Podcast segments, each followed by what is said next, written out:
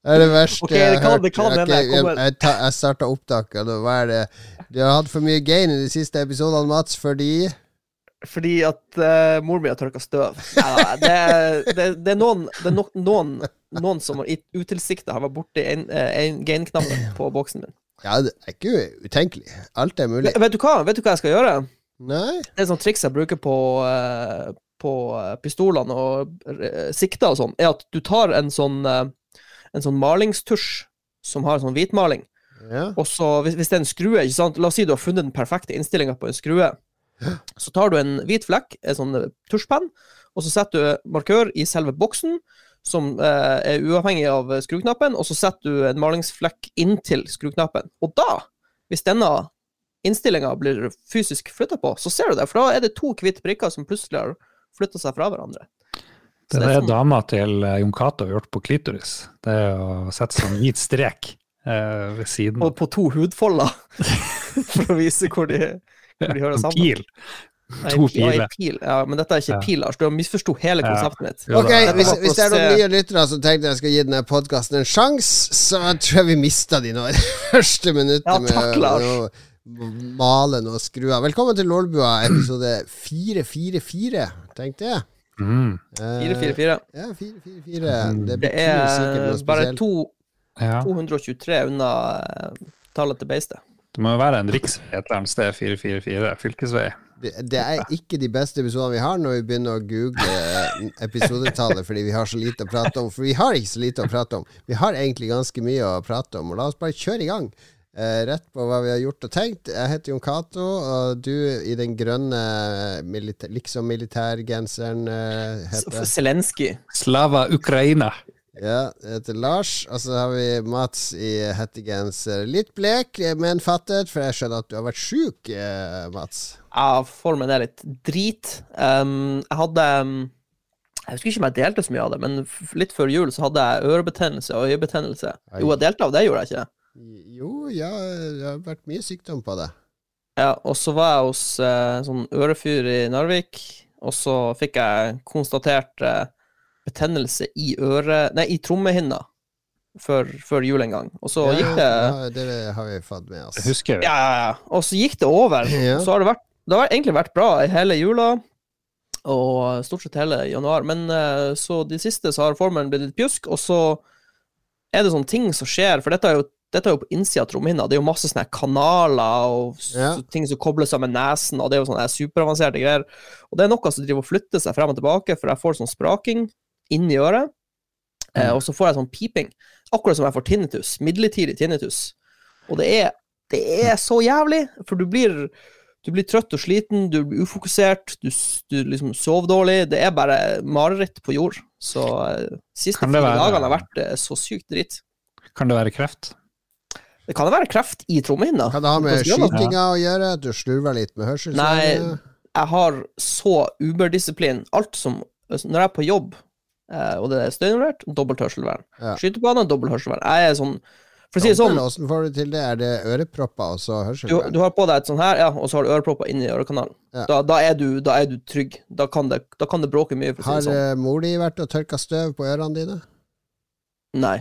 Nei, så det er ikke Nei. det samme som mikrofon. Nei, men det er, det er ikke støv. Altså, det, problemet er at eh, det er um, La oss si hvis det hadde vært voks eller sånn, så kan du bare bruke sånne, sånn olje og sånn, for da Ja, kommer det ut. ja. Men det problemet er at dette er på innsida av trommehinna, så det er ingenting jeg kan gjøre. Hva bråker mest av en hagle og en pistol, sånn generelt? Eh, Hagle. Jeg tok og Eller- Eller, eller det er faktisk et et nyansert spørsmål.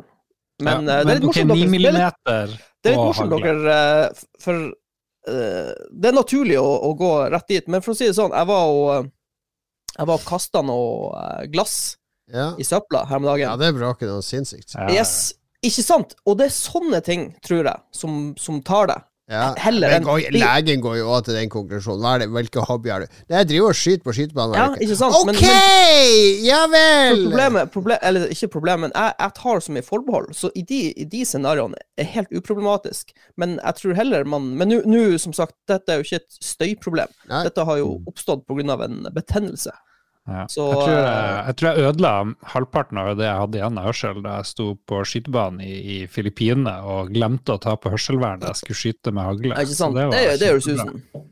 Det var, Men, Hørselen går uansett. når man- når man så har det vi er som, i eh, den alderen nå at den, eh, den forsvinner sakte, men sikkert. Jo, men, men jeg skulle heller sett at jeg mista den på skytebanen enn pga. en ørebetennelse. Fordi da har det vært Da hadde jeg som vært dum, ikke sant? Dette er jo bare sånn idiotisk eh, medisinsak. Hvordan i No, eh, Nytter ikke å ta forhåndsregler, vet du. Skjebnen det- Terningen trilles, skjebnen vil um, annerledes. for å si 66 sånn- på Rollmaster-terningen fikk du dessverre. For å si det sånn, så håper jeg at eh, For det gikk jo bort igjen, den der pipinga, Ja. eh, etter ørebetennelse. Jeg håper, jeg håper det går bort igjen. Fordi det, hvis dette er min eh, livskvalitet eh, fremover, så eh, kan det hende at jeg begår selvmord om eh, Skal jeg livestreame det, får vi masse views. på liveleak. Nei, altså, det er faen heller. Tinnitus Nei, det er noe dritt. Jeg, jeg har vært borti det sjøl etter for mye konserter og litt sånne ting. Ja, sånn, Men nå, sånn jeg har alltid sånn konstant uh, trykk, eller overtrykk, eller noe sånt, i hodet, som gjerne presser på uh, ørene og sånn. Så det kjennes ut som jeg alltid er på vei opp eller ned i et fly. Sånn har jeg hatt det de siste dagene. Mm. Ja, jeg bare- kan få Nå tar jeg så mye medisiner. Jeg vet jo ikke hva Altså, det, jeg har fått en så sterk eh, blodtrykksmedisin nå som har eh, sånn enormt mye bivirkninger, så jeg tror alt er ikke Altså, kroppen min er bare rar på alt. Altså, noe mat Mm. reagerer jeg på, blir kvalm og eh, ja. Er Alderdommen. Velkommen skal du faen Velkommen til være. uh, faen meg diagnostikerbua. Ja, nei, nå må vi ha litt mer lystig her, Gi oss eh, noe, Lars. eh, gi oss noe slice of life. Ja, Lars. ja, det er noe Ja. Du, du har Ja, fortsatt uh, med din eh, nye fetisj, gamle dame med hvitt hår.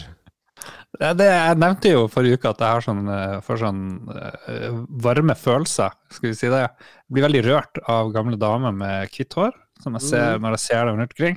Og så var det noen luringer som anbefalte lyttere og andre til å sende meg bilder av gamle damer. Og det, der har folk fulgt opp, og jeg har fått en del usmakelige ting.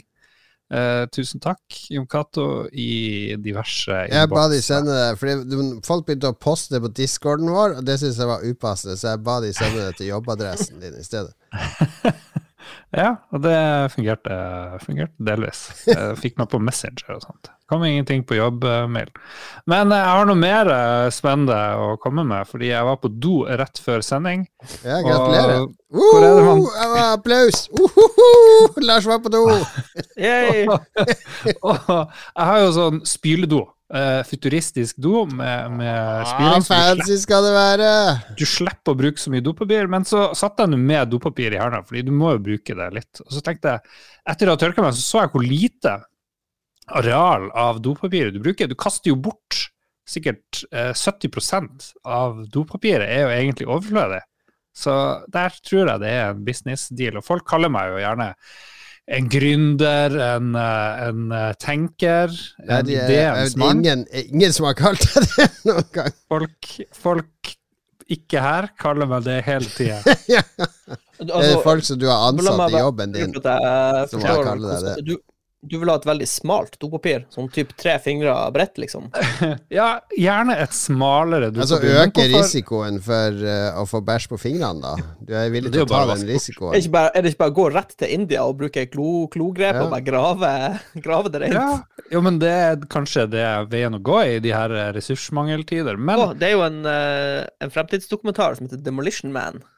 ja, hvor de har skjellene. Ja, de skjellene. Ja, det har jeg òg tenkt, tenkt på i det siste, de her skjellene. uh, fundert på. Men jeg har funnet løsninger for dopapirproblemet, fordi uh, du har Det er ikke et problem. Uh, det, jo, men det kommer til å være Vi kommer ikke til å ha masse dopapir i fremtida. Alle, og alle kan ikke ha spyledo. Hvorfor har vi ikke dopapir, Lars, i Fordi det er, det er global oppvarming, alt blir dyrt, folk har ikke råd. Folk lar være å kjøpe Ja, dopapir da fordi de vasker man bare ræva. Sånn med den kloa som Mats snakka om. Ja, men eh, da har jeg produktet som trengs. For dere vet de der små parasollene man har i drinkene, i sånne fancy drinker? De er ikke, de er ikke så fancy, da. Men sånne små eh, der.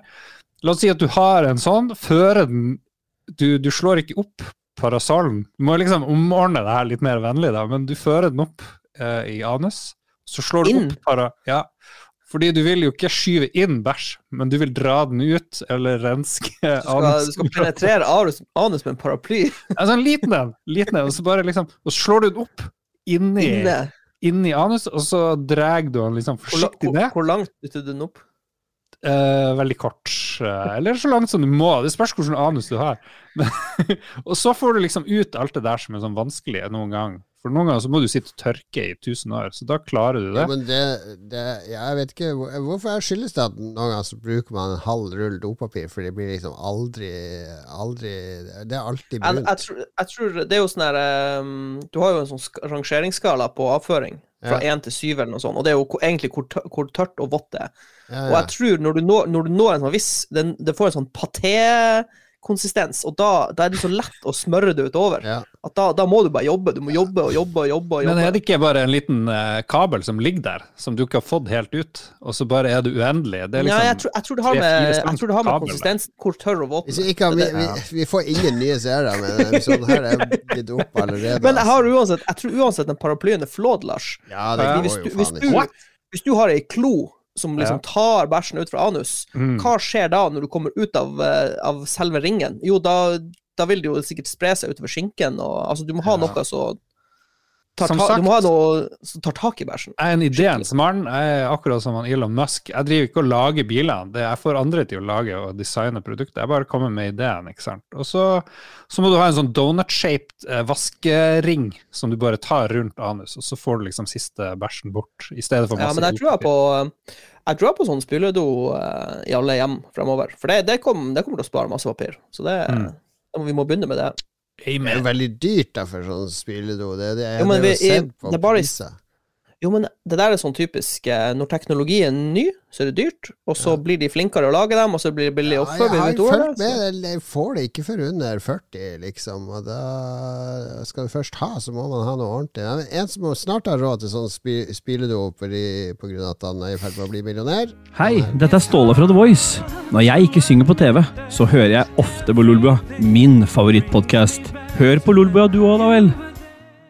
Tenk den stemmen han får når han begynner å synge mens han spiller seg sjøl bak. Det kommer til å bli eh, som et englekor fra, fra Ståle da, altså. Mm. Jeg har en nyhet, eh, eller noe som har skjedd siden sist. Fordi min jobb er jo rett over gata for eh, eh, hva heter det? Go-Go Bar.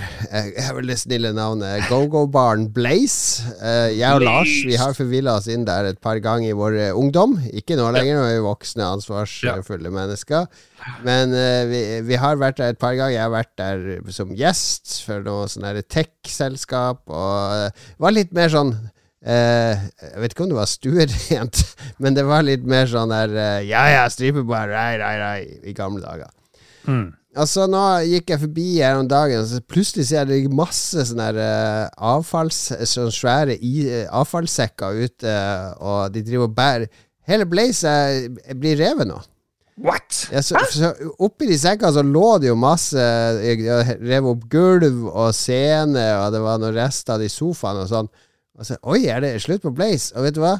Da jeg sto attmed de sekkene, så lukta sånn så kjente du den der stripperparfymen. Fordi den der stripper, det, er, det er sånn egen parfyme. Jeg tror de bare selger til strippere. Det er en sånn veldig sterk, sånn intens blanding av uh, whitesprit og parfyme.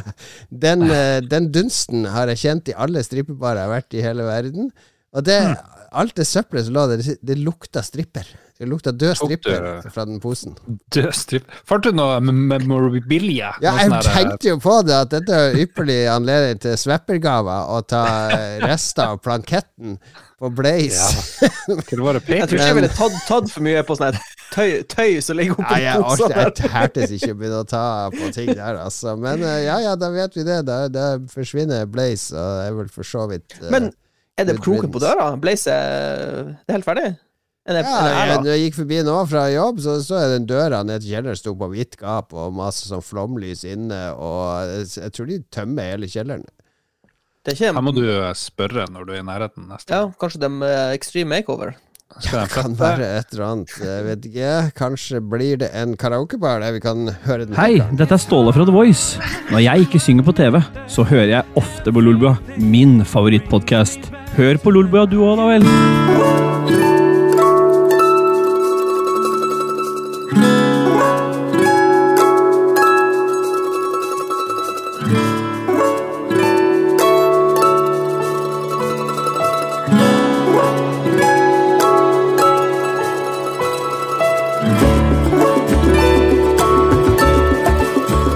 Musikk der fra et spill vi hadde i spillklubben i sin tid, nemlig A Short Hike. Husker du det, Lars?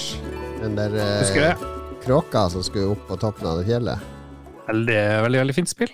Absolutt. Mange som savner spillklubben, men den ligger, sitter litt inne nå eh, til Lars eh, Barna til Lars har vokst opp og får litt Ja. frihet. Vi får, vi får håpe at det blir noe spill, eh, spillrevy og spillklubb. Og, ja, ja b- Jeg fikk, jeg fikk liste over nominerte spill. Eh, Eller i hvert fall, ja. De er vel nominert. Ja, det er, eh, ish. tror du har litt sånn taushetserklæringer. Ja, jo da, jeg skal ikke si noe som helst. eh, Ja, for du er i juryen til uh, spillprisen. Spillprisen. Ja, og må si det, jeg lurer på om det er sånn Veldig få store spill uh, som ble gitt ut i uh, Norge i fjor. Det er jo noen, selvfølgelig, men det er jo litt mindre enn vanlig. Det er mitt første inntrykk. Ja. Men uh, jeg er ikke gått helt i gang. Men uh, det blir spennende. Kanskje det er noe, noe, noe ukjente ting jeg har gått glipp av her. Så. Men uh, vi har jo spilt relativt ferske spill, flere av oss, er vi ikke det? Eller i- Mats er ikke det, fordi nå har du Tarkov, blir det for høye lyder, du må få for intenst for hørselen, så du, du har gått over til Valheim, der det er mer litt sånn svale svenske vikinglyder. Svale svenske skoglyder. Nei, um, nei, også, for å være helt ærlig, når jeg spiller data, så har jeg, har volumet egentlig veldig lavt. Uh, men Også i Tarkov, der det er så viktig å lytte og høre fiender. nei, det er ikke sånn, lyd er ikke så viktig i Tarkov, det er oppskrytt. Du, du hører ingen uansett. Det er bare å holde inn W og sprintknappen, så vinner du i Tarkov. Ja. Men vi har fortsatt uh, vårt eventyr uh, i Valheim. Eh, og Ja. nå, folkens, jeg skal ta og um, Jeg skal ta en liten sånn guida tur, for vi har basically endt opp med å lage en hel landsby eh, med de karene jeg spiller med. For vi, vi begynte med at vi lagde et sånn, en sånn stor hall, og så ei så lita smia, men nå har liksom vi begynt å lage våre egne hus. Det er jo blitt Minecraft eh, Ja. i det spillet her. Så vi har lagd noen, eh, ja, noen jævlig fine hus, vil jeg tørre å påstå. Og vi storkoser oss. Vi har drept eh, fire bosser nå. Eh, og vi driver og progresser som eh, farsken gjennom, gjennom spillet. Jeg tror jeg har spilt eh, 70 timer. Ja, jeg ser det på rett som det er, og det er fortsatt gøy. Kjempemorsomt. Eh, men vi, jeg ser jo at vi begynner å nærme oss eh, slutten, i anførselstegn. For du, på et tidspunkt så dreper du jo den siste bossen Ja. som er tilgjengelig, og så har du fått de til slutt. Du blir mett. Ikke, Ja. ikke sant? Når du har fått de beste materialene, du har bygd huset ditt, du har gjort alt det der. Jeg tipper ca. 100 timer, så tror jeg liksom du runder Valheim, Ja. virker det som. Men eh, vi har storkost oss eh, underveis, og det er, det er noe utrolig zen med det spillet der. Bare Ja. springe rundt i koselige omgivelser og slakte litt monster og samle litt stæsj og ja, du, har, du har jo en veldig fin gjeng som du spiller ganske mye rart med på kryss og tvers i Ja denne de, klanen som du og Dag Thomas uh, har vokst opp i. Ja, ja, vi har en sånn Det er egentlig en ganske stor gjeng, og så er det liksom Det er sånn naturlig Noen spiller Tarkov, noen spiller Valheim, og så kommer noen hopper på noen på der, og det er litt sånn her Jeg har vært med noen av disse. Det er jo hyggelige folk, eh, selv om Ja. jeg ikke kan si dem med navn. Er det bare menn? Er det en, no women welcome? Vi har jenter vi spiller med også, men, eh, Det er men det er Altså, det er Dessverre så er det pølsefest, det må jeg innrømme. Ja. Så vi må, Ja, for dere har jo spilt og... sammen i over 20 år, når det var ikke så mange jenter som spilte, ikke sant? Så dere jeg skjønner jo Mm. det. Jeg, skjønner det. Jeg, jeg tror det er mye mer eh, Ja, kanskje litt mer eh, mangfold blant de unge som vokser opp i dag. jeg håper det. Jeg Så så håper jeg inkluderer at, um, for vi leser jo hele tida om dette uh, dame som eh, blir mobba ut av spill og sånn. Jeg også så en litt sånn en positiv sak, men samtidig en litt trist sak. Og det var, det var noen som hadde lagd en sånn Discord-server for uh, norske jenter som spiller dataspill. Ja, jeg sånn at de- men det var liksom jenter only, fordi de ville ha en sånn friplass hvor de ikke ble eh, trakassert Ja, og mobba og hunsa. Ja, det, er liksom, det er jo kjempebra for dem, men det er også litt trist at det er en ting. At de må ha det, liksom. Det er jo I. Sverige så har de vel til og med en musikkfestival der kun jenter, damer, får lov å komme som Ah, publikum. Off, De skal slippe ja. å bli tafsa på. Ikke bra. Ikke bra. Nei. Men um, ja, nei, jeg tror det blir eh, noen dager til med Valheim, så er vi sikkert uh, happy. Right. Men kan du røpe for lyttere hva er i horisonten etter Valheim? Uh, det blir ikke Forspoken, for jeg så det fikk, Det ser ut som det får skikkelig trasige reviews. Jeg hadde egentlig lyst til å prøve det, men uh, nå så ser det jo ut som det er Uber-bæsj. Ja, Det var begynt å komme reviews i dag, tror jeg. ja det, eller Og jeg, jeg, tror, eh, ja. jeg tror vår prognose med at det er litt sånn bland, eh, bland verden og ja, prøver for litt for mye. Eh, Square Enix og Jeg tror de har lagd Final Fantasy 15 på nytt igjen, bare med ei dame fra eh, New York i stedet for eh, et uh, gutteboyband.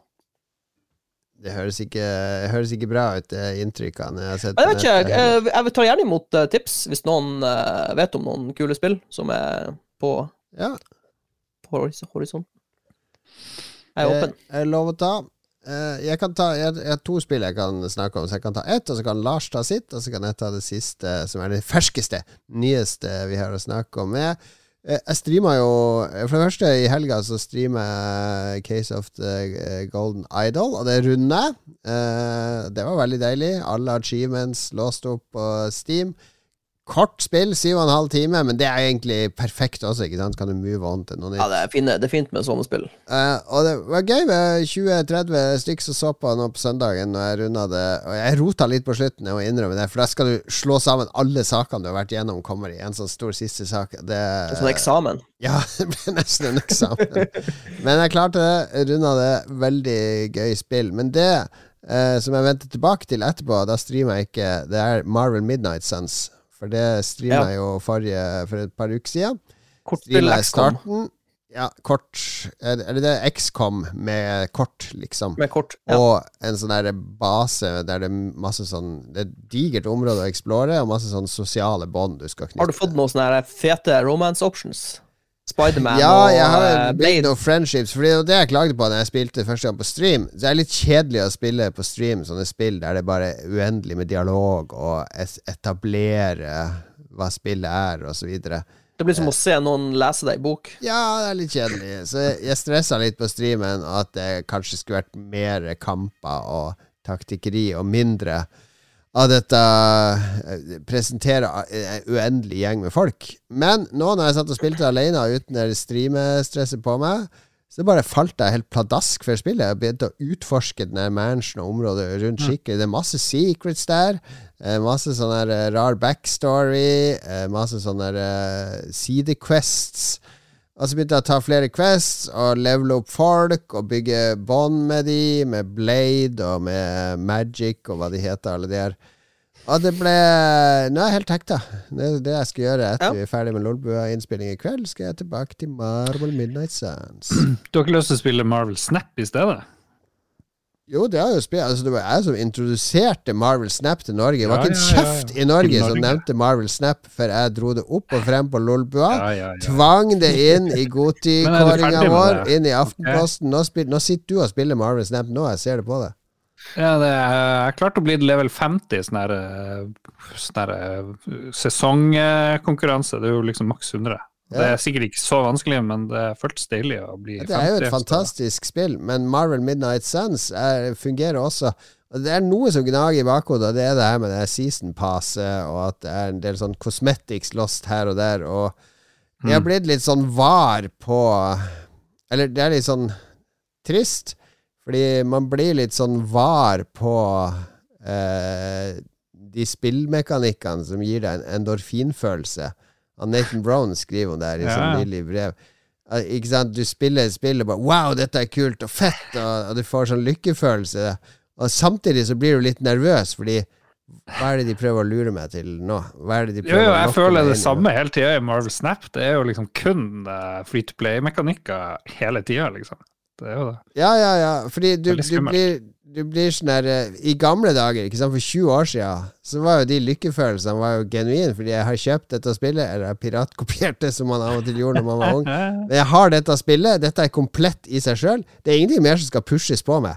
Så enhver lykkefølelse du fikk, ikke sant, enhver sånn endorfinrush av spillmekanikker, pff, en eksplosjon der, og litt sånn rumble i, i joysticken der, det var, det var liksom sånn der Oh, payoff! Å, fett! Nice! Nå føler jeg meg kul. Mens nå er det sånn der Ok, dette føles bra, men er det noe er det noe i horisonten? Kommer det sånn der tog i horisonten med bare boom! Nå må du kjøpe noe! Nå må du passe på! Ok, nå vil vi gi deg litt lykke, men kom igjen! Opp med pengeboka, så skal du få mer lykke! Det, det, det er en skam at vi nå har blitt sånn Vi har blitt Vi, vi, vi føler at spillene er ute etter å lure oss.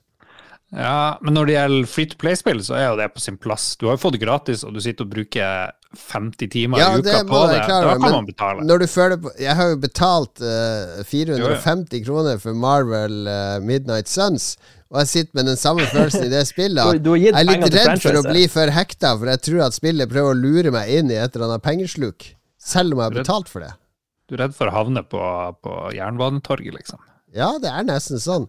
Og det er en skam. Er en skam, syns jeg, for spillbransjen at de har ødelagt denne rene endorfin- og gledesfølelsen med disse forbannede forretningsmodellene sine. Okay. Men ja, hva er det du har spilt, eh, Lars, bortsett fra Marvel Snap? Uh, masse Marvel Snap. Jeg har begynt på det her Chained Echoes, som jeg leste om i Pressfire. Jade Echoes! soloutvikler. Han For du er jo JRPG-kongen i Lolbua. Du er jo blitt det. Ja. Plutselig De må være ganske enkle, og det er Chained Echoes òg. Det er jo sånn eh, inspirert av eh, gamle ting. Xenogears og Suicune er inspirert av. Litt sånn Breath of Fire, Final Fantasy, tidlig Final Fantasy. Den typen spill, og så prøver de å bringe inn litt sånn, eller han, Solomaren, som har holdt på, stakkars, siden 2016 å, Jesus. å, å lage det her. Og spillet er helt, er helt eh, overkommelig. Det skal vare i sånn ca. 30-40 timer. Helt topp for meg. Da, da vet jeg at det er en slutt i sikte. Men apropos å presentere masse karakterer, at det kanskje ikke er sånn veldig streamervennlig, så er det et veldig stort eh, persongalleri, og alle skal introduseres i sånne lange sekvenser i starten av spillet. hvor du hvor det, noen av dem møtes opp plutselig, ikke sant, og noen ikke. Mm, Hvis du liker sånne SNES-aktige gamle RPG-er fra Japan, så, så virker det her å være veldig, veldig bra. Det er standard turn-based, det er ikke noe stress, liksom. Du kan bruke tusenvis av timer på, på det. Det er masse minigames, det er masse abilities, det er ikke for mange. Eh, veldig, veldig fint. Og så er det vanlig med stats og equipment og levele opp og sånt. Men det er mye secrets. eh, sånn overkommelig komplisert store. Eh, Litt sånn Det er sånn tre kongedømmer som kriger og bla, bla, bla. Jeg lurer på hvor stort persongalleriet blir, men jeg bare sånn åtte, åtte timer ish inn inni det enda, Men eh, det, det virker veldig, veldig fint. Og så er det soloutvikler. Når du har en fyr som lager alt, det gir jo det gir noe ekstra til spillet, syns jeg. For da vet du at det her er, det her er en manns visjon. Det her er liksom det han ville lage, og ingen kompromisser. og um, Alle detaljene er på plass, liksom. Gjelder det for podkast òg, så hvis jeg kaster dere to ut av Lolbua, så blir det solo enmannsvisjon? Ja Men du kan ikke hete Lolbua. Du må enten hete Lol eller Bua. Ja, Ja, du får bare med deg ene. i kontrakten. Vent nå litt. Jeg ser det har fått ganske bra anmeldelser på Steam, i hvert fall. Ja, det er veldig sånn retroflørt. Mange av disse solospillene er jo det. Stardew Valley er jo retroflørt med Harvest Moon. I, altså Axiom Verge er jo retroflørt med Metroid. Mange av disse solofolkene prøver å gjenskape eh, barndommen, ungdomstida, i, eh, i spillene de lager. Ja. ja. Mathias Linda heter han som har laga det. Mm. Yes. Mathias. He does. Mathias Yes. Linda. Men apropos, jeg er jo i samme sjanger det siste jeg har spilt, fordi uh, jeg uh, bet i eh, det sure Sure eplet, og, og på fredag når jeg lå og spøy her hjemme, så lasta jeg ned Fire Emblem Engage, som er det nyeste strategispillet i Fire Og det som Emblem-serien. fikk tre tomler ned. Jeg ga det tommel opp, tror jeg. ja, tommel opp. Ok, Ja, bra. fordi jeg har spilt mange Fire Emblem-spill, og det forrige ble veldig sånn omfattende med, med friendship-greier i en sånn svær by og løpe rundt og holde styr på 30 folk. Nærmer seg litt her òg, men Fire Emblem Engage er mer sånn reindyrka mot kamper. Så det er sånne eh, sjakkbrettkamper der du har styrker med ulike ferdigheter. Så når de står attmed hverandre, så gjør de hverandre gode, eller de gir hverandre komboer. Altså det Storyen her er at det er liksom tolv sånne ringer. Litt ringer ser Skal samle tolv sånne ringer. Hver av de ringene inneholder en død helt. Så du kan one summone i kamp for å tag-teame med, med den som har på ringen. da Så de kan eh, Og du får nye attacks og powers fra den. Eh, men det er eh, Det første som slo av, var hvor utrolig smooth spillet var til å være på Nintendo Switch. Altså det, det er sikkert ikke 60 frames og sånn, men det flyter så bra. I hvert fall i forhold til det Pokémon-skiten som kom før jul, som var hastverksarbeid. Mm. Ja. Ser lekkert ut. Eh, hovedpersonen, jeg valgte den kvinnelige varianten, har sånn Det er rødt hår på ene sida og blått på andre sida. Langt hår. Og så er det rød og blå øye, sånn asymmetrisk. Eh, utrolig kult design på karakterene. Og så er det selvfølgelig en hel haug med sånne barmfagre mangadamer, som da må være i disse spillene. Oh, Å, waifus. Ja, og eh, eh, persongalleriet er helt greit. Kampene er kule, med litt sånn variasjon her og der. Det er akkurat det du forventer av et Fire Emblem-spill. Det er veldig greit å ligge på sofaen med spysjuka som jeg hadde på fredag, og spille time etter time. Så jeg har egentlig spilt det gjennom helga, og Marvel Midnight Suns. Veldig fornøyd med begge to. Så absolutt si, gi Fire Emblem Engage en sjanse hvis du liker den type spill. All right. Hvor irriterende er det å måtte spille på en Nintendo Switch?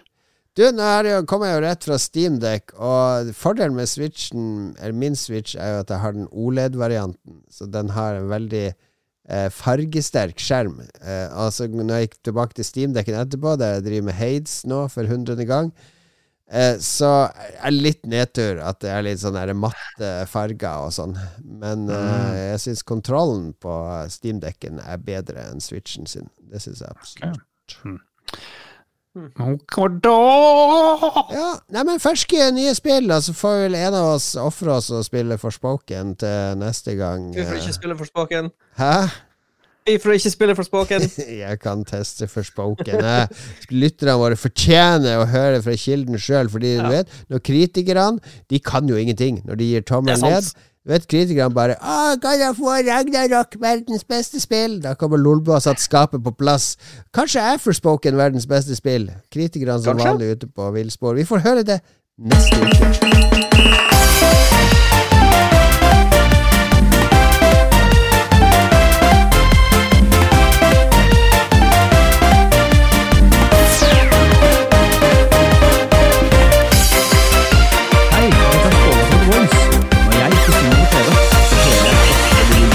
Min favorittpodkast. Hør på Lolbua du òg, da vel. Gjør det, gjør det. Og spill Mario Party, som den musikken var fra.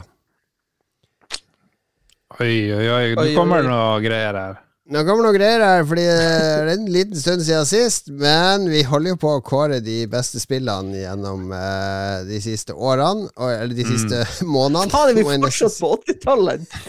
Vi er kommet til september 1986 i vår fantastiske kåring av de 400 beste spillene fra de 400 siste månedene. Og dette er en måned med storspill, eh, folkens. Vi har fire spillhøydepunkter som kom denne måneden, der eh, alle har interessante historier bak seg. Alle er eh, ba, Tre av de er banebrytende, vil jeg si. Hvilken, hvilken er du mest nysgjerrig på, Mats? Hva skal vi ta først? Um, nei, vi kan jo bare begynne øverst og jobbe oss ned. Gjør det det. enkelt. Øverst er jo den som kanskje alle kjenner til. Ja. Outrun fra Sega og fra Yu Suzuki, Arkade-eksperten. Eh, et spill om å kjøre en eh, rød Ferrari fra vestkysten i eh, Europa og østover. Og du kan eh, Med jevne mellomrom så kommer du til et kryss, og da kan du svinge til venstre eller høyre. Og Svinger du mot høyre, så kjører du sørover i Europa. Svinger du mot venstre, så kjører du nordover i Europa. Og da er liksom hvert område Hvor mange blir det? Det er vel en 15-20 forskjellige sånne områder. De, grafikken der er jo prega av at du kjører gjennom ulike europeiske land og kulturer. Dere har spilt Outrun, går jeg ut fra? Ja da. Det jeg husker best, det er jo eh, når du krasjer, så sitter ei dame og rister på hodet av deg, eller et eller annet sånt. Jeg husker ikke helt hva hun gjør. er kjører det- Det er jo, er jo 80-tallsdrømmen. Det er jo Jerry Bruckheimer uh, og Don Simpson og Outrun og alt er jo destillert ned i dette spillet. For i, i stedet for å kjøre en, uh, en bil, Formel 1-bil eller noe sånt, så sitter du i en åpentopp topp Ferrari med eh, en blondine ved siden av deg. Uten sikkerhetsbelte på eller noe som helst. Du bare cruiser av gårde. Det er jo guttedrømmen. Det var jo guttedrømmen din, det her, Lars. eh, Kjøre sånn bil. Jeg husker første gang du fikk kjøre sånn her eh, kabriolet oppe i Harstad eller noe sånt. Aldri, du har aldri snappa så mye i ditt liv. Nei, jeg kjører bil uten tak! Sportsbil! Ja, det er nice. Det er, noe, det er drømmen. Det er det. Men må jo ikke undervurdere det viktigste med, med spillet, og det er jo musikken, spør du meg. Ja, det er veldig bra. Den har jeg ikke rukket å laste ned, dessverre. Ah. Men den har vi spilt så mange ganger på podkasten. Det er veldig bra musikk. Det som også var viktig, var jo disse kabinettene du spilte i. For det kom jo i mange forskjellige eh, kabinetter. Noen var bare sånn standup med eh, gir opp og ned og gasspedal. Og en bremsepedal. Mens andre var jo å sitte på i et sete, et bilsete, og kjøre.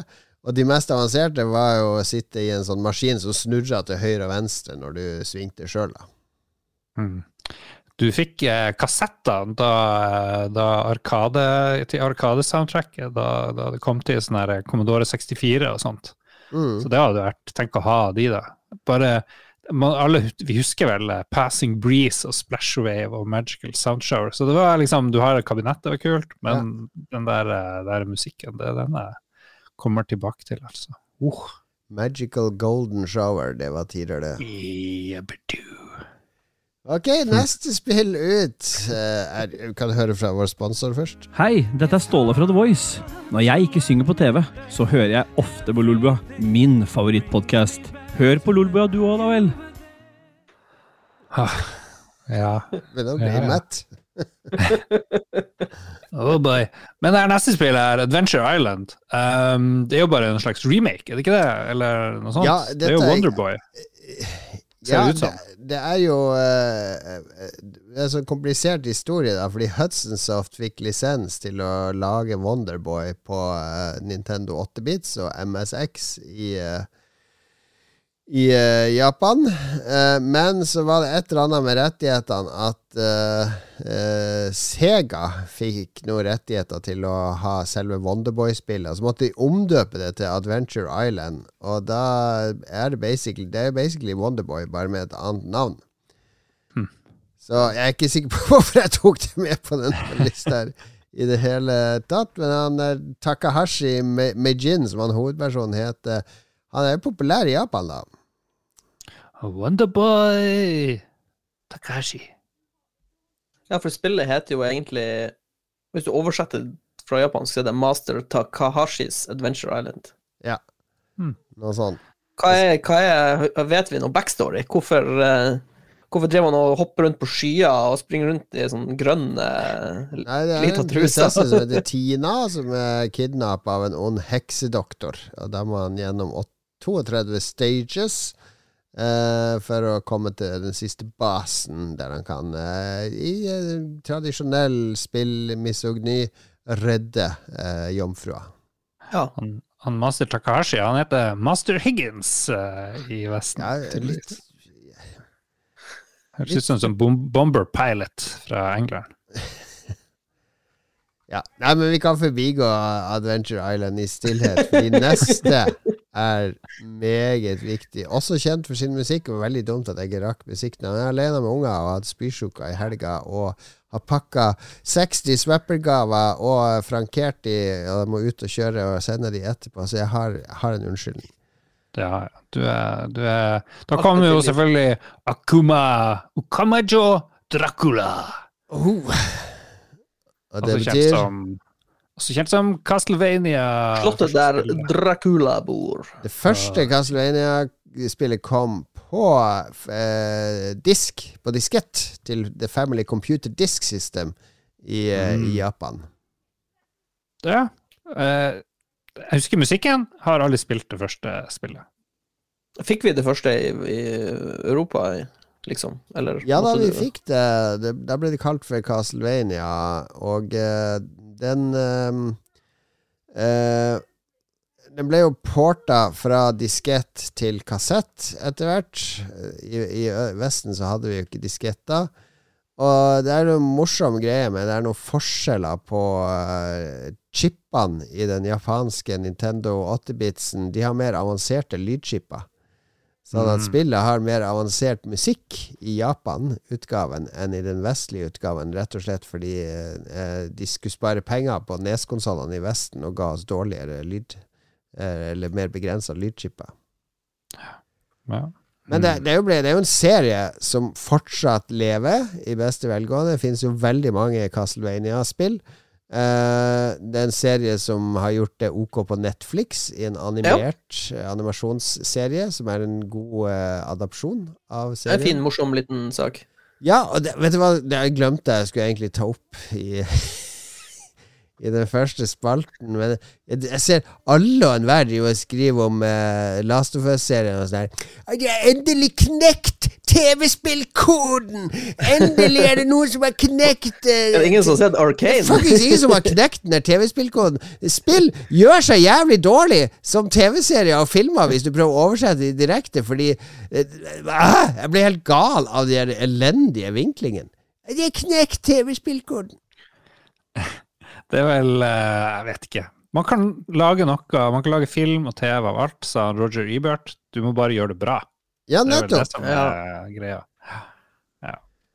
Og så tror jeg det eh, sånn så de, de, de eh, TV-seriene som, som jeg syns er best, tar bare utgangspunkt i verden spillet foregår i, og så lager de en egen historie og lager nytt innhold. på en Ja, måte, det er det samme når du adapterer en bok òg. Altså, Mm. det, det finnes jo masse ræva filmer basert på uh, gode bøker.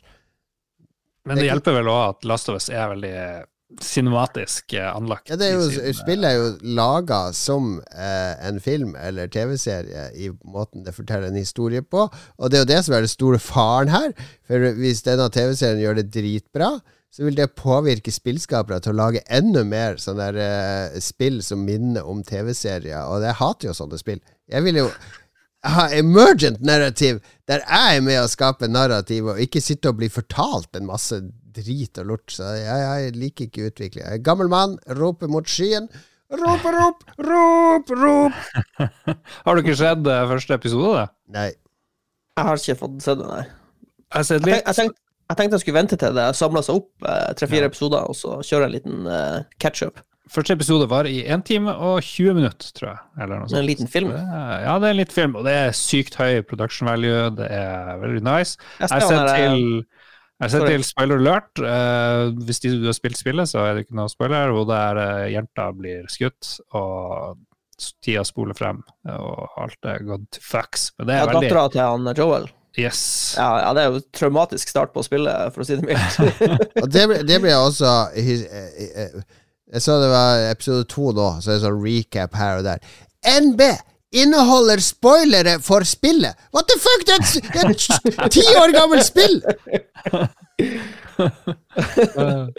Jeg husker det var Det traff meg som en uh, knyttneve, starten på det spillet der, så jeg vil jo tro det. Det er Nei, men det, det, det ser veldig bra ut. Ja, men så langt har For det det kun første er jo ikke hele sesongen ute. Er det nei. uaktuelt for meg å begynne å sitte og vente. Så jeg vurderte om dagen, men så satt jeg heller på Good Luck Guys på Amazon Prime i stedet, som er norsk eh, kjendisreality, blanding av Farmen og Paradise eh, Nei, Paradise Hotel og Robinson.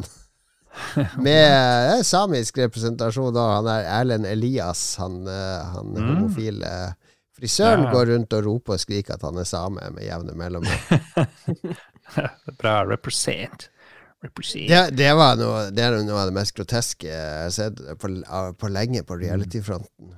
Men kan man si at TV-seriemediet bringes fremover av at man lager bare nøyaktig sånn spillet var? For det er jo 90% Du husker liksom alt du gjorde uh, i Nei, jeg mener ikke det. Og jeg mener jo at eh, nå er det en kuriositet fordi det er et populært og velfortalt narrativt spill som har blitt eh, Som gjør seg veldig godt som TV-serie. Men jeg mener jo at nesten alle TV-serier som lages nå, er av ganske høy produksjonskvalitet.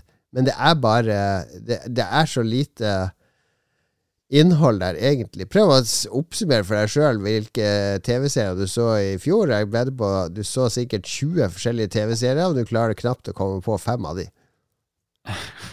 Det Det er er jo jævlig- elendig hukommelse. ja, sånn har det vært hele livet mitt. ja, det er ikke noe Det er ikke en ny utvikling. Nei, men det er ikke det, Jeg må innrømme, den første, når du snakka om TV-serier i fjor, den første jeg kom på, var Severance. På en måte, er Den som jeg husker best fra Ja, er den skiller seg ut av. Ja. Men, Ja, den gjør det. men Last of Us er når den serien er over, og man har sett en serie til, og en serie til, så kommer du knapt til å huske The Men- Last of Us. men- Jeg tror The Last of Us har en funksjon, fordi det den kan gjøre, er å introdusere den historien til folk som ikke spiller spill.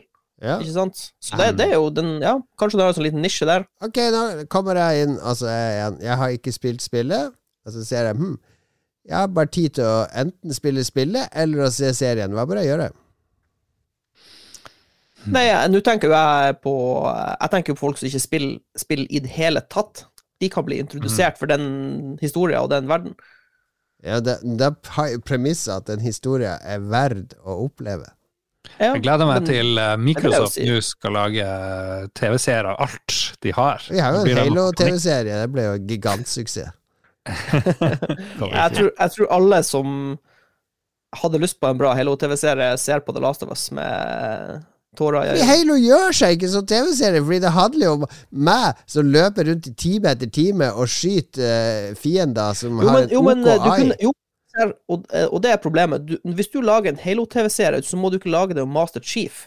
Du må lage det om de ODST-folkene, de der de som dør i hopetall. Du må, du må lage det om noen skrøplinger, og så kan du, kan du få se sånn glatt av Master Chief, for da blir han så mye mer imponerende og Ja, men mektig. det, jeg, jeg tror det som skjer når de tar den vinklingen, er at de ser at universet rakner sammen. Fordi det her henger jo egentlig ikke på grep. Fordi alt, hele universet er bygd opp rundt at spilleren skal løpe fort fram hele tida og skyte med to forskjellige våpen og ta taktiske valg og ha noen kule set pieces. Så jeg tror mange spillunivers rakner sammen når du prøver å zoome kameraet tilbake og skal lage sidestorier i de.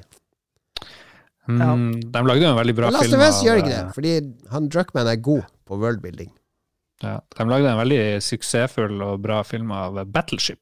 eh. Ja, det gjør de, ja.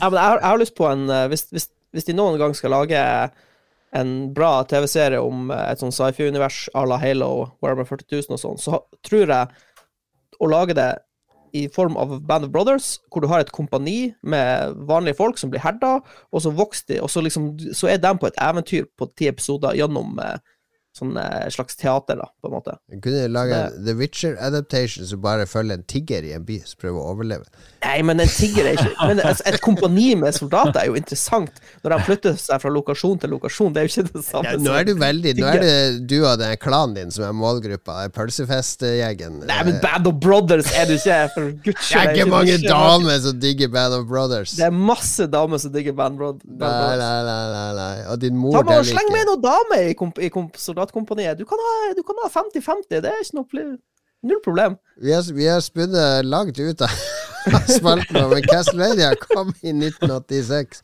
Det siste spillet vi har, er et, eh, et av mine favorittspill på Commodore 64. Det heter The Sentinel, og det ble laga av uh, Jeff Crammon. Uh, og Jeff Crammon han er mest kjent for Han lagde Stunt Car Racer på Amiga etterpå. Han lagde Formula One Grand Prix-serien på Amiga. Og veldig opptatt av racing. Fordi egentlig han, han lagde bare uh, racingspill. Revs på BBC. Og så var The Sentinel Det var et sånn puzzle-eksperiment han lagde. Og det er et supereksperimentert sp- spill der du, du er på et sånn rutenett i forskjellige høyder. Det er bygd opp av vektorgrafikk. Det var 10 000 brett som var generert av en algoritme. Eh, og så eh, Du må ha energi for å teleportere deg, så du kan absorbere trær. Men du må kunne se bakken de står på. Altså Trær som står over deg i landskapet, kan du ikke absorbere.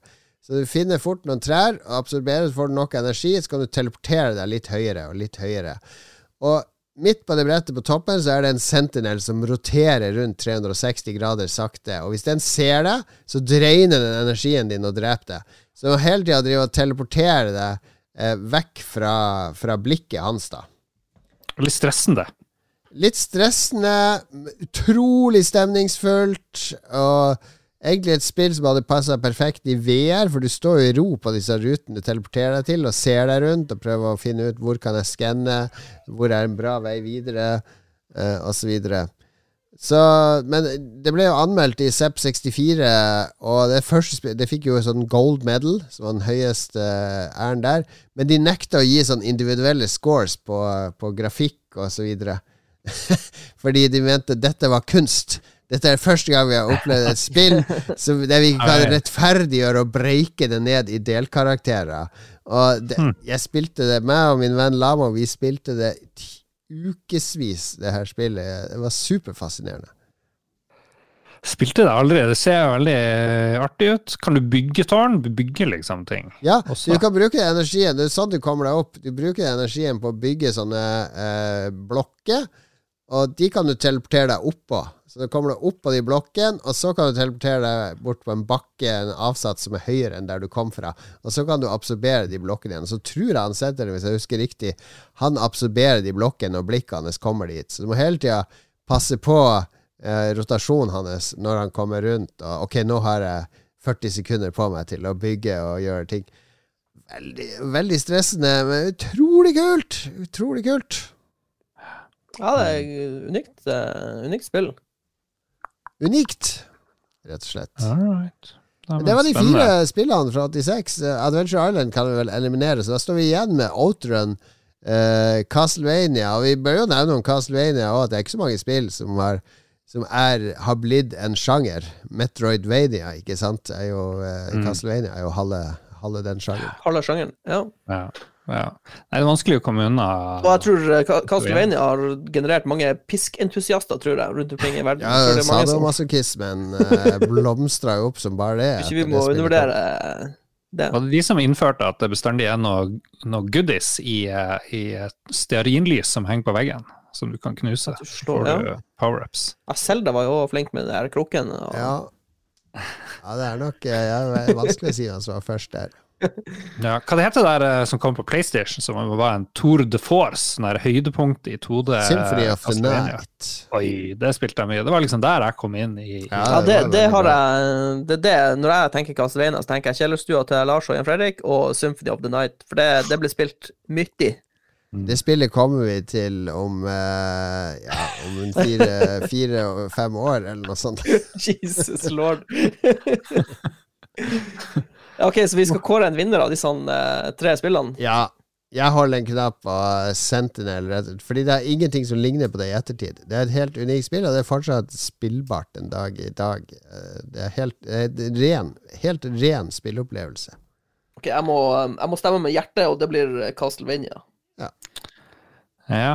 Nei, jeg har jo bare spilt uh, Outrun og Castlevania, og jeg elsker jo Bare musikken føler jeg fortjener, liksom. Jeg er sikker på at det er veldig viktig, men uh, jeg hiver meg taktisk på han eh, Mats, og Åh. så sier vi Screw you Sentinels. Sikkert et veldig bra spill. Jeg skulle ønske jeg hadde spilt det, og hadde de samme minnene som Ja. Cato hadde. Da hadde jeg sikkert Så- stemt til Sentinel òg.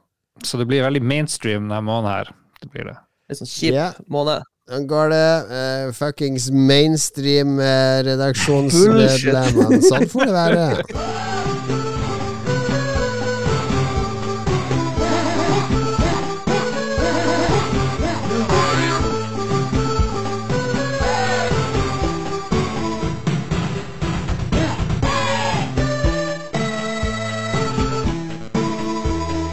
«100 000 kroner hvis dere gjetter hvilket spill det var musikk fra. Uh, mobilversjon av Sentinel. Nei, Mats. Adventure Island. Nei. Gameboy Advance-spillet uh, Shrek Kart Racing. Det er en hån mot lytterne. Oh my lord. Det er ikke en hån, han her elsker det. dette er Ståle fra The Voice. Når jeg ikke synger på TV, så hører jeg ofte på Lolbua, min favorittpodkast. Hør på Lolbua du òg, da vel. Ok, vi har anbefaling uh, i dag. Altså, vi, har, vi, vi skal ikke foregripe lytterspalten, men uh, jeg husker vi hadde en lytte... Uh, Jeg tror det kommer et spørsmål som klager litt på at alle spillpodkaster skal snakke om TV-serier. Ja. Jo, men det er jo fordi alle ser masse på TV-serier. Ja, jeg tror TV TV-serier har blitt en stor del av livet Alle til ser folk flest. masse på TV-serier. Er det Skal det forsvare det? Ja, og det er jo en veldig lett sånn go to. Dere som ikke tør å gjøre sånn som meg, anbefaler matretter, tannleger Jeg, jeg har bestemt meg for å ikke anbefale noen TV-serier i hele år. Her. Ja, Det får vi jo se. om går. Nei, men det Nei, er, men vi kan, skal vi, ok, 2023 er året hvor ingen anbefaler TV-serier. klarer vi det? Jeg vet ikke. Jeg føler pff, ja, la, Kanskje vi ikke skal spinne for Men jeg prøver å um, Jeg prøver å uh, Kanskje hvis jeg skal komme anbefale en TV-serie, så prøver jeg i hvert fall å anbefale noe som kanskje ikke alle har hørt om. Som Ja, samme går litt her. sånn Ja. Samme Det er ikke noe poeng å anbefale Game of Thrones og The Last of Us, for det, det, det er så mye i nettavisene. Det er overalt, liksom. Ja. ja. Jeg vil anbefale The Last of Us episode 1. eh, jeg går rett på jeg går rett på en TV-serie. Um, Gudetama er en eh, karakter, eller er en, eh, en et, et uh, klekka egg, tror jeg det, eller noe sånt.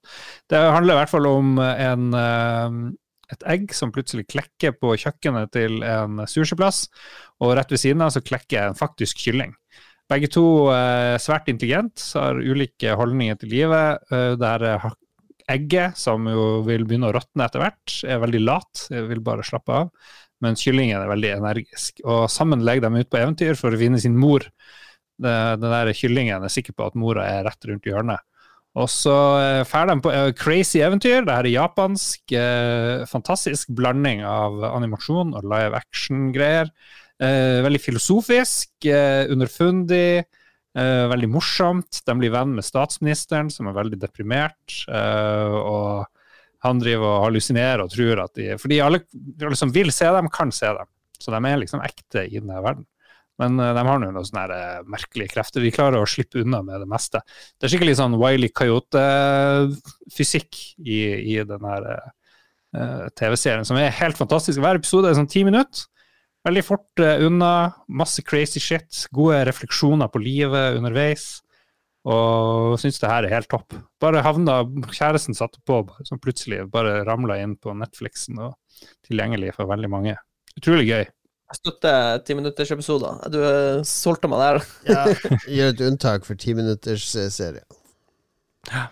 Gudetama An Excellent Adventure heter det på English. Ja, Nice. dette var en god anbefaling, Lars. Takk skal Ja, du da, ha. ja, da. Mm, mm, mm. Ok, jeg skal um, fortsette en trend som ble starta med den der uh, toalettmappa jeg anbefalte. En ting som jeg har brukt veldig lenge, som jeg er fornøyd med, eh, Ja. og som fungerer. Og det er Nå skal jeg ikke anbefale et spesifikt merke, men eh, i eh, jula, jula 2021, altså over et år siden, så fikk jeg en riskoker i gave. Ja vel.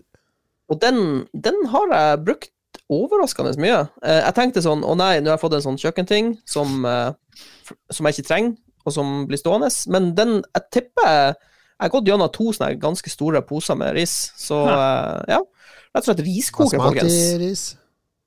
Basmati-ris, jasminris. Jeg må innrømme, jeg liker sjasminris bedre enn basmati-ris. Jeg er blitt en sjasminris-fyr. De har skjønt det i Thailand. Kan du walk us through the process her? det som er greia med riskokeren, er at du, det er så lett. Du tar risen, det er en sånn målekopp, Ja. og så tar du bare målekoppen ned i risposen, og så, og så er det sånn Ja, dette er én porsjon ris, eller sånn, det, det er to porsjoner, eller tre porsjoner. Det blir jævlig mye ris, Det er en sånn liten kopp. Og så har du den oppi eh, et sånn eh, Den der tingen hvor du siler sånn mel og sånn, hva heter den? En sånn siler? Sila? En, en sigd? Nei, hva er det for noe? Vi er veldig dårlige alle sammen. Ja, jeg har ikke kjøk. Kjøkkenlingoen er litt uh, dårlig. Så, sorry, folkens. Jeg tror det er sil. Så, Ja. så vasker du, skyller du risen i uh, kaldt vann. Du tar bare liksom og har den under springen, og så rister du bare på den sila. Og så blir, fordi all ris i sånne store poser er veldig sånn støvete, så du må, du må skylle risen før du eh, tilbereder den.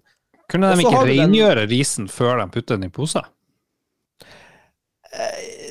Det varierer sikkert fra merke til merke, men en, gen, en generell regel er Tørt å gjøre, tror jeg, og så genererer det støv.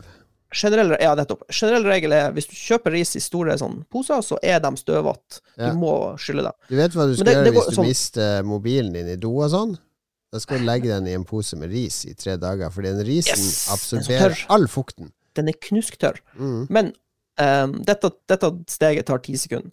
Ja. Og så har du risen oppi en eh, selve en sånn bolle som står inni riskokeren, og så fyller du bare opp Det er sånne streker inni bollen med OK, dette er en målekopp, dette er to målekopper, dette er tre målekopper. Og så lukker du igjen lokket, så trykker du på en knapp, og så trenger du ikke gjøre noe. Ja. Så går det 25 minutter, og så er risen ferdig. Perfekt ris. Og det, det mest geniale av alt er at uh, den har en sånn Nå vet jeg jo ikke om alle riskokere har det, her, men den jeg har, det er, det er sånn enknappssak. Og når den er ferdig, så går den automatisk over i en sånn stay warm-modus, hvor den bare holder lunk Ja. i risen. Så du trenger ikke å time det med noe. Du kan, jeg kan sette på risen klokka to, og så lager jeg middagen halv fire, liksom. Det er jo helt genialt. Har Så, du, eh, eh, har du tenkt på å krydre risen? For det, har jeg kom, det kom jeg på nå når du sa det.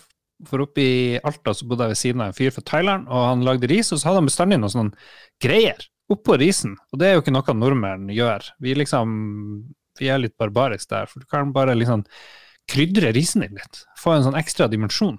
Jeg tror jeg ville gjort det når han kommer ut av riskokeren, fordi hvis du, hvis du introduserer krydder, Ja, ja, ja. da blir det sikkert litt mer rengjøring. eh. Jo, jo, jo. Ja, men Det er mitt største spørsmål med sånne appliances, er jo hvor mye rengjøring er det. Jeg kjøpte jo en sånn eh, bakemaskin til kona så, som kan elte deig og sånn. Den står jo jeg og skrubber i ti minutter etter hun har elta en pizzadeig oppi Det, der. det, geniale med, det geniale med denne, i hvert fall at For den er, den er så enkel i sin funksjon. Det er et lokk, et sånn vippelokk som går opp Ja. og ned. Eh, og så er det en løs bolle inni riskokeren. Og det eneste du trenger å gjøre, er når du er ferdig med risen Du må vente litt, for den er veldig varm når du er ferdig, når du er akkurat ferdiglagd. Så du venter litt, og så tar du bare ut bollen, fjerner risen som er til overs, så er det bare å Mhm. skylle det med varmt vann. For det er sånn teflonlag eller et eller annet, så du trenger bare varmt vann og en børste, og så blir den helt klinkende ren. Mm. Så, Hvor lenge ja. lagrer du risen din etter at eh, du har spist den, og spist den igjen? For av bakterien basilius Du må ikke, du må kaste, du må kaste. Du, du, Mm. lager, du lager risen, og så kaster du bare, for ris er veldig billig, eh, og du kan ikke varme den opp igjen, så du må bare kaste det som er til Mm. overs. Har du tenkt å dra på sånn innvandrerbutikker og kjøpe ti kilo ris? Jeg har gjort det. Det, er der er- det er den jasminrisen jeg driver med. Det, det er ikke lov å si det lenger. Ja, Sånn eksotisk. Nye Det heter grønnsaksbutikk. Jeg blir jeg korrigert, blir- jeg blir korrigert av um, barna mine når jeg kalte det for en innvandrerbutikk. Mitt, mitt problem lenge har vært at jeg er, jeg er, jeg er ikke noe potetentusiast, så um, jeg har alltid vært glad i ris. Samme her, bortsett fra potetmos. Potetmos er nice, eh, men sånn vanlig, vanlig kokt potet klarer jeg ikke å sette så pris på. Så den her riskokeren har eh, ja, det, det er jo ingen som liker vanlig kokt potet, men du kan jo lage Jo, sånn det er noen!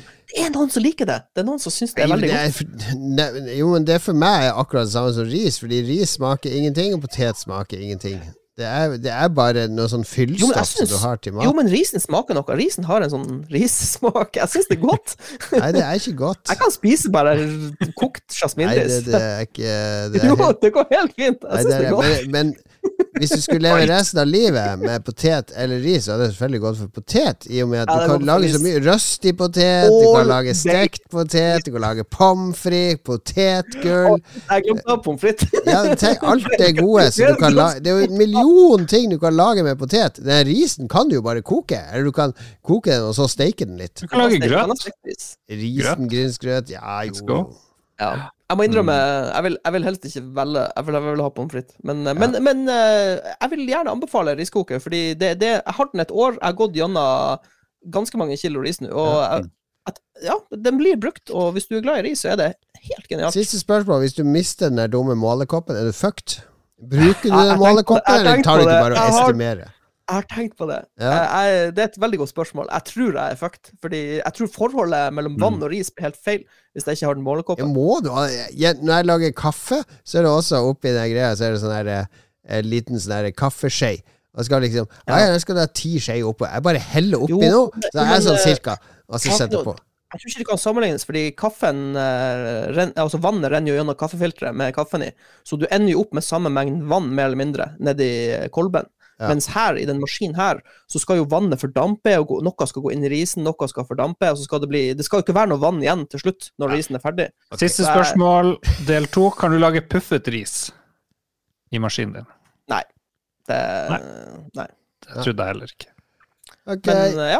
Herregud, for en lang eh, anbefaling. Eh. Men eh, alt er bedre enn TV-serier, for guds skyld. Jeg skal anbefale Jeg gikk til min sønn på ti. Jeg er veldig glad i, og ganske god faktisk, til å spille sjakk. Han slår meg, rett som det. Ti år, da var Magnus Carlsen sikkert verdensmester allerede. Ja, ja, ja. Han er ikke der. Men uh, vi, sp vi spilte en del sjakk, og så har jeg irritert meg fordi vi har et sånt eh, brett som du ruller ut, så er full av sånne humper og bulk bulker, og så har vi noen sånne plastbrikker som veier ingenting. Så bare du, du, du rører litt på bordet, så velter konge og dronning som om de er fulle sjømenn på det brettet. Så det irriterte meg litt. Uh, altså Jeg bruker sånn iPad som sånn klokke, for han liker å spille lynsjakk på tre minutter. Eller vi har en sånn femminuttersvariant òg. For det blir litt sånn ekstra dimensjon til det når det er litt stress. Altså, ja, det har irritert meg at det er så flimsig og så dårlig kvalitet, så jeg tenkte ok, hva koster et ordentlig sjakkbrett, ordentlig sjakkbrikke og en sjakklokke? Eh, og uh, sannheten det koster rundt to og et halvt da for sånn turneringsbrett. Oi. Sånn som de, sånn, som- sånn som Magnus og de spiller på For det er jo, det er jo ganske Er stor, det sånn, er det stort sånn brett. fi- FIDE-approved Han trenger jo ikke verdens fineste brett. Hold nå kjeften, Hold kjeften mens jeg anbefaler her. Han må ha brett i 2500 Men kroner! det er jo til meg! Det er til meg, først og fremst. Jeg liker jo å spille sjakk med ungene. Eh, alle tre ungene. Og, og vi er jo Hele familien spiller jo sjakk. Det er bare Det er som i en klovn, sånn der kirurgkniver sånn. Nei, men eh, de, de selger jo det på Sjakkeksperten og på The Good Night her i Oslo, sånn, sånn sjakkpub. Så får du sjekka, ok, turneringsstørrelse, det er så stort. Da må du ha brikker som er stort, så det er sånn 700 for brettet, uh, 800 for brikkene og 700 for en sånn klokke. Og så kjøpte jeg to ekstra dronninger og en sånn boks til å ha en sånn fin treboks til å ha brikka i. hvorfor kjøpte du ekstra dronninger? Ja, du kan få kjøpt ekstra dronninger. Er det sånn hvis det blir knust i raseri, eller er det Nei, at de en bonde kommer helt til enden av brettet, så blir den til en dronning, vet du. Så det kan vel komme situasjoner der du har to eller tre dronninger på, på Skjønner, brettet. skjønner. Han kan bli tårn og hest og alt han vil. Kan Ja, han kan velge hva han skal bli, men det mest fornuftige er som regel å bli dronning. For på grunn av power movesen til dronninga. ja, ja. ja. kommer, det det, når bonden kommer til enden av eh, brettet, det, det kalles eh, transerekka, da kan en velge What? hva slags identitet den vil ha. Om den vil ha en dronningidentitet eller en hesteidentitet. Eller. Ja, det er morsomt. Ja, morsomt. Jeg kan veldig lite om sjakk. Eh, men eh, den eh, ja, Jeg bestilte dette da. Jeg betalte jo 2,7 for alt sammen. Det var inkludert en boks og ha ting i. For jeg tenkte det her er noe jeg kommer til å kjøpe én gang i livet. Det kan vi ha resten av livet. Ordentlig sånn kvalitet. Og så kom det, og det var så gøy å pakke opp, fordi de, for det første er brettet er jo ordentlig glatt og fin, god kvalitet, men de brikkene er mye tyngre, for de har sånn lodd i bunnen, og så er det sånn filt under, ikke sant. Så de står skikkelig stødig, og det er sånn god følelse å gripe de og flytte de. Du skal ikke undervurdere den der eh, den haptiske følelsen av å gripe ordentlige brikker og flytte de rundt. Og når det er stress på klokka, flytter den fort, og så slå Og det er klokka med den der bryteren, vippebryteren Oi. Eh, begge veier. Altså det, det ble en helt ny dimensjon til spillet. Så nå spiller vi sjakk hver eneste dag. Vi, har vi spilt sjakk her hjemme nå i halvannen uke. Har den sånn sensor at den vet hvor brikkene står, så kan du streame Nei, det var hakket dyrere. Det går an å kjøpe så, sånne brett òg, faktisk. Med sånne sensorer. Men det, det, det, det trenger jeg ikke. Men et ordentlig godt sjakkbrett det stimulerer til sjakkspilling, ikke sant? Så det kan jeg absolutt uh, anbefale til alle som har familie, eller som er interessert i å spille sjakk med venner og sånn. Ikke gå på ark og kjøp det der 50% sjakkbrettet som de har med de bitte små brikkene, men vurder en ordentlig sjakkinvestering, så skal du se at sjakkleden stiger. Slik taler en eh, fyr med årslønn på nord for én million kroner. Ja, du skulle bare visst.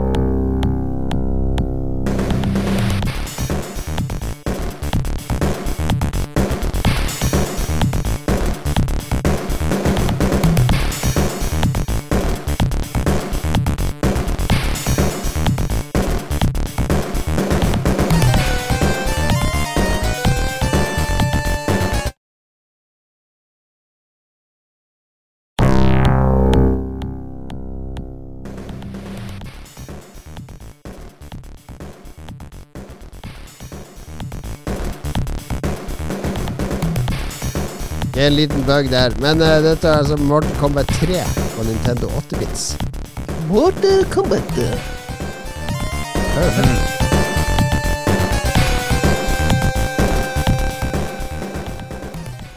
Ok. Det er veldig bra. Det var en god, eh, god anbefaling, men jeg tror ikke alle har råd til sjakkbrett i to og et halvt. Men, eh, Ja, våre snyttere, lyttere er kanskje man- mer velholdne. Alle har ikke råd til det, men uh, du må jo prioritere hva som er viktig å bruke penger på. Ja. Kan jo bruke det på, på Burger King eh, i i en måned i stedet. Kan kjøpe, du kan kjøpe sjakkbrettet først, og så lager du sånn placeholder-brikker. Og neste måned du kjøper du bursdag, brikker. kan du ønske deg det. Ikke sant? Hvis, sjakk, Ja. hvis du har lyst til å gjøre sjakk til en viktig del av livet ditt, så må du jo eh, bruke, kjøpe et eller annet. Kjøp ungene en fotball i stedet. Altså, Nå da jeg spiller så mye sjakk, så vurderte jeg å få sånn årsabonnement på chess.com igjen, for der er det masse kurs. Vet du hva det koster nå?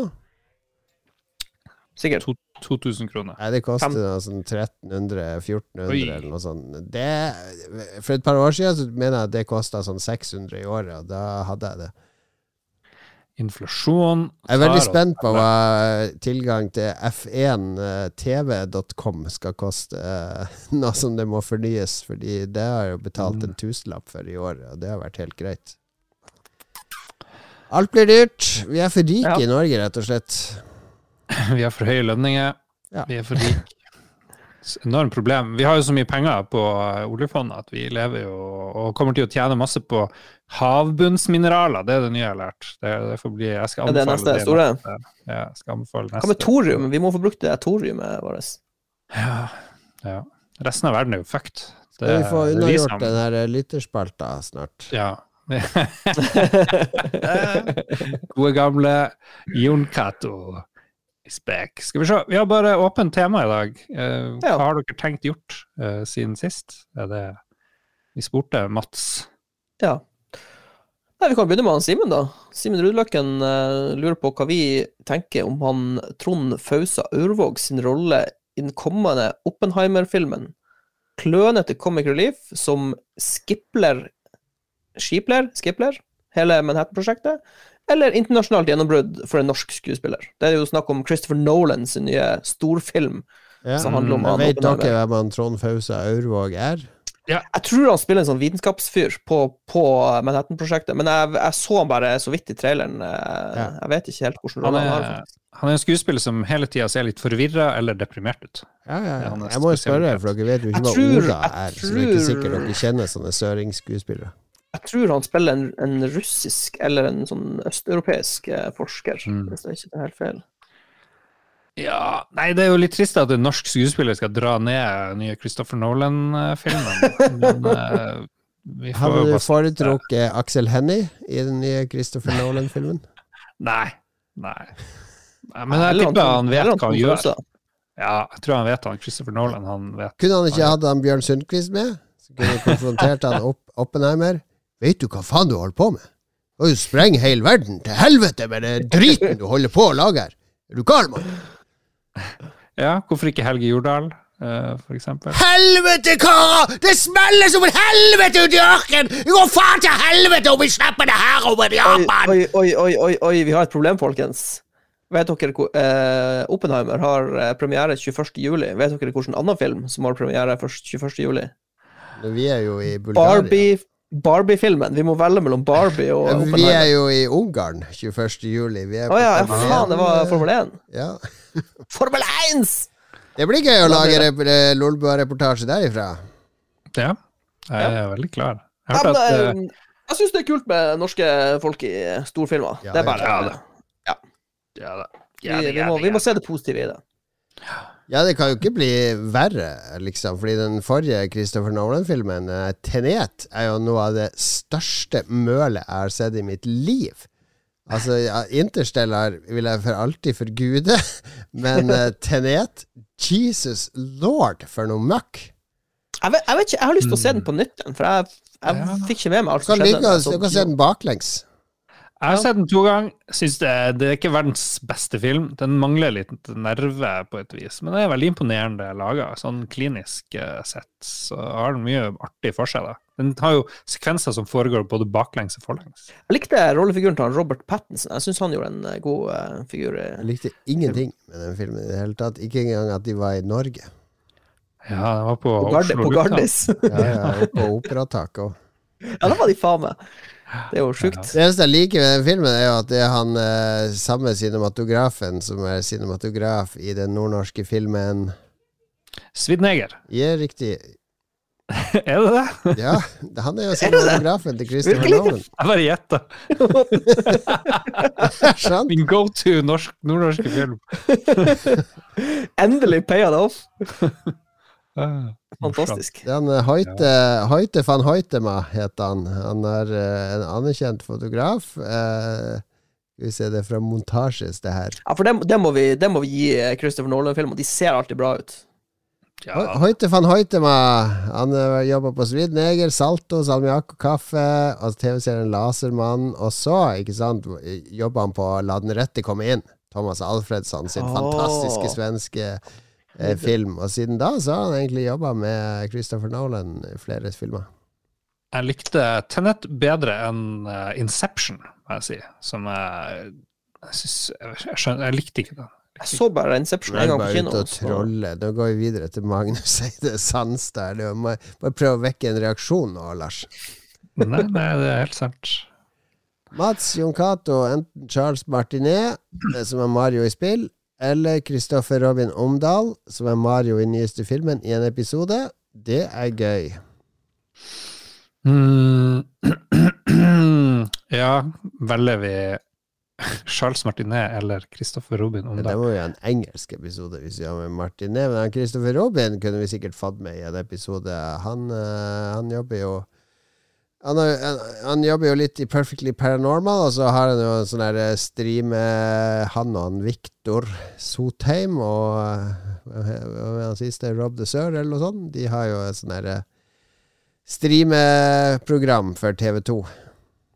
Ja. er Er han Kristoffer Robin eh, oppkalt etter Ja, Det kan du spørre han om. Det er han som var med i Forræder, vet du. Han med barten. Altså, jeg er ikke, ikke forræder! Jeg er ikke forræder, altså. Jeg skjønner ikke hvorfor alle sier at jeg er forræder. Ragnar Veien Tundal, hvilken TV-serie hadde den beste første sesongen? Han holder en knapp på Lost, som kanskje hadde beste pilotepisoden noensinne. Mener han piloter som krasja? Twin Peaks. Jeg er enig med Twin Peaks, altså. Holy Maloney, for et uh, mesterverk.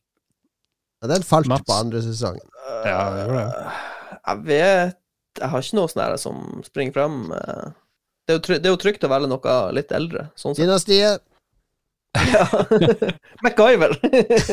18. A-team, uh. uh, snakker vi. Mm.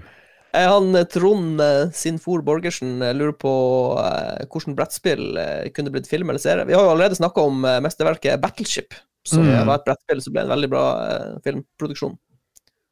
Ja, vi har jo Ludo. Jeg driver og spiller action-ludo for tida. Stigespillet, kanskje? stedatter, Litt sånn nervepirrende uh, vertigo-scener. Sjakk har jo blitt en uh, teaterstykke. Chess. Ja. Det er sant?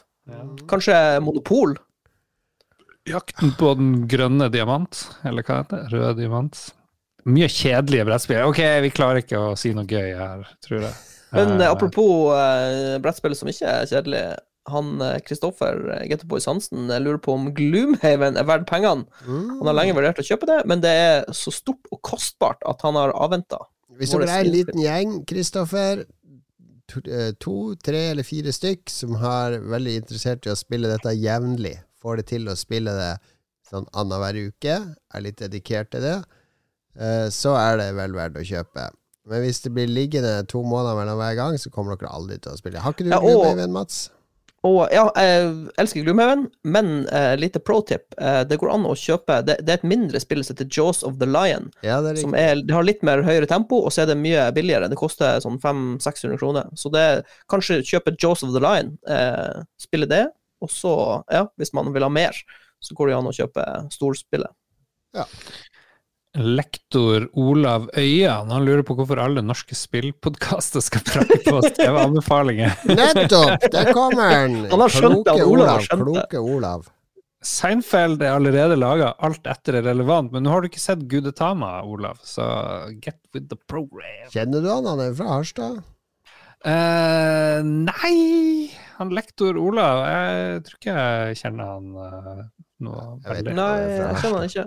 Men jeg, vet du hva, jeg støtter han litt. Eh, Vi burde, vi burde roe ned på TV-anbefalinger, og så prøve å gå for litt obskure Ja, ting. for, jeg mener, det er jo det enkleste. Enhver kjeft i verden kan uh, snakke om TV-serier og anbefale det. Det er verre å anbefale bøker eller teater eller musikk. Det krever at du TV-serie er bare det, det, er så, det er så lite som skal til for å slappe av. Men, men jeg føler, jeg føler TV ja, Du er flink, Mats, til å løfte litt spesielle ting. Ja, nettopp. Jeg, liksom, når, det sånn, når ingen snakker om det, og kanskje folk ikke har fått det med seg, så Ja. kan det være greit å hente det Og fram. Lars var Men- flink da med å løfte litt sånn sær eh, japansk eh, Ja, greie. Så Så det er bra. Vi, vi Sånne, må holde det sært. Men la oss, la oss holde de der mainstream-TV-seriene. Det kan filmpolitiet holde på med. helt enig. Birger Vestmo. Hallo? Adrian Ja, Adrian så har vi han, Haugen eh, har spilt minigolf, og det gikk ikke så bra. Hva syns vi om minigolf? Jeg har spilt, Eh. um, jeg har spilt et par runder på Oslo camping, uh, Ja. med Youngstorget der. Uh, jeg syns det, det er morsomt. Men er det morsomt, fordi da spiller du minigolf mens du drikker øl? Hvis du hadde tatt bort øla fra ligninga, hadde det da vært eh, en morsom Nei, aktivitet? det, blir ikke like, det blir ikke like morsomt. Du Nei. må ha litt øl. Minigolf er mye bedre på spill, er min påstand. Det er ganske gøy spillform. spillform. Ja. ja, det der putting, putting i sånn golfspill er utrolig spennende. Skal vi benytte anledningen nå til å eh, gi en shout-out til What Golf, et av verdens aller morsomste spill. Det er morsommere enn enhver minigolf. Mm. Og Ja. vet du hva? Eh, morsom sak. Eh, inne i Discord så har de lagt til noe som heter Activities, og der er det et golfspill som er litt morsomt, faktisk. Så du kan spille et lite spill What? inne i Discord. Ja, det er helt eh, Det er galskap. Mm. Det, det er en sånn liten knapp du kan trykke på når du, hvis du er inne på en voice-kanal. Så har du en liten sånn knapp som kalles Activities. Hvis du trykker der, så får du opp en sånn lite remsa med, med spill. Det, ja, det, er ikke, det visste jeg ikke. Lite, lite tips. Så ikke glem mobilspillet Desert Golfing, da, som er sikkert Mm. flere her i redaksjonen har brukt mange timer på. Ja da. Ja. Ja da. Absolutt. Han eh, Morten Benkestokk Olsen han skulle til å skrive svar til hans venn Olav Øyen eh, sin kommentar om at det må vel være Eller det må vel finnes noen serier laget etter Sandfeld som er severdig. Men så kom han eh, til å tenke på at han uh, sjøl har begynt å pløye gjennom Monty Pythons Flying Circus på Netflix, og uh, finner stor glede i det. Så det er hans anbefaling uh, denne uka. De eldste er eldst. Ja, veldig bra. Jeg blir fysisk dårlig av å se mer enn sånn én eller to episoder av Monty Python-serien. For det, det, liksom, det, det gjør noe med hjernen min. Prøver å vri og vrenge på den. Så blir jeg litt sånn halvdårlig. Husker jeg leide Gjør det hele med hjernen din? Ja, jeg husker på Videoverden. Husker dere gode gamle Videoverden? Ja, selvfølgelig. Der leide jeg alle Monty Python-greiene. Jeg husker jeg holdt på å bli skikkelig sånn syk denne helga, fordi jeg skulle se så mye Monty Python. Men det er jo bare absurde ting hele tida, og du blir helt ko-ko eh, av det. Så Mm. forsiktig med dosene der. Ta, I små Ja. Mm. Det være siste ord i denne episoden før vi takker våre produsenter. Ja. Og de må Han, du takke eh, som uh, i en Monty Python-sketsj. Oh, nei, vi må, vi må ikke Vi hadde en helt på tampen her. Er det det? Ja, han eh, Vegard eh, Lindland har lurt inn eh, en kommentar. eh. Han sier bare at han har, eh, han har tenkt på den flotte mottakelsen som Forspoken har fått i dag fra diverse anmeldere. Så, men nu, vi har jo kalt kamp på Sannheten kommer om en uke, Vegard. Ikke hør på disse sjarlatanene og dilettantene og amatørene. Vent til de profesjonelle har avgitt sitt svar. Og så har jeg en liten god nyhet helt på tampen her.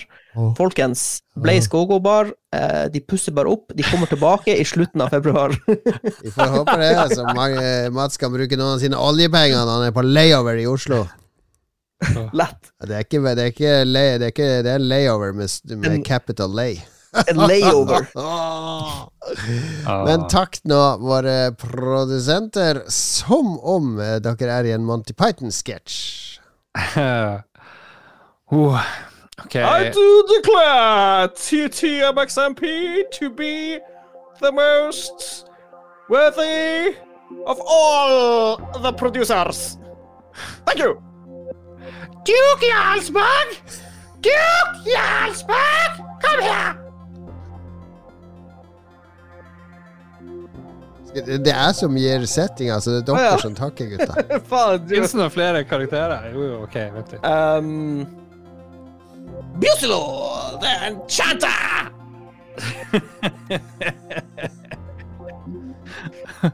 uh, ok, og til slutt Tamalon! Tamalon! Det er liksom fransk. Man Ja, ja. Tamalon! Eh, og så hvis du har lyst til å bli produsent eller uh, Patrion, gå på patrion.com slash lolbua.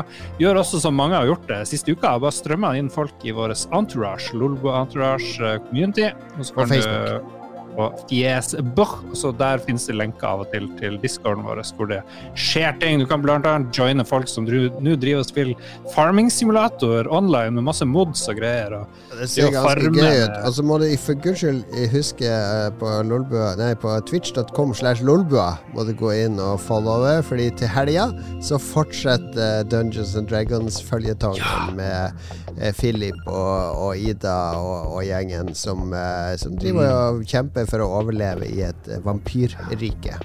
ja, sånn 400 som fulgte forrige greie. Ja, det var veldig gøy. Så, så bli med til helga igjen. Og så høres vi igjen om en uke, rett og slett. Uh, håper du har kosa deg. Mindre sykdom og neste uke mer spill. Mer spill. Er det? Er det.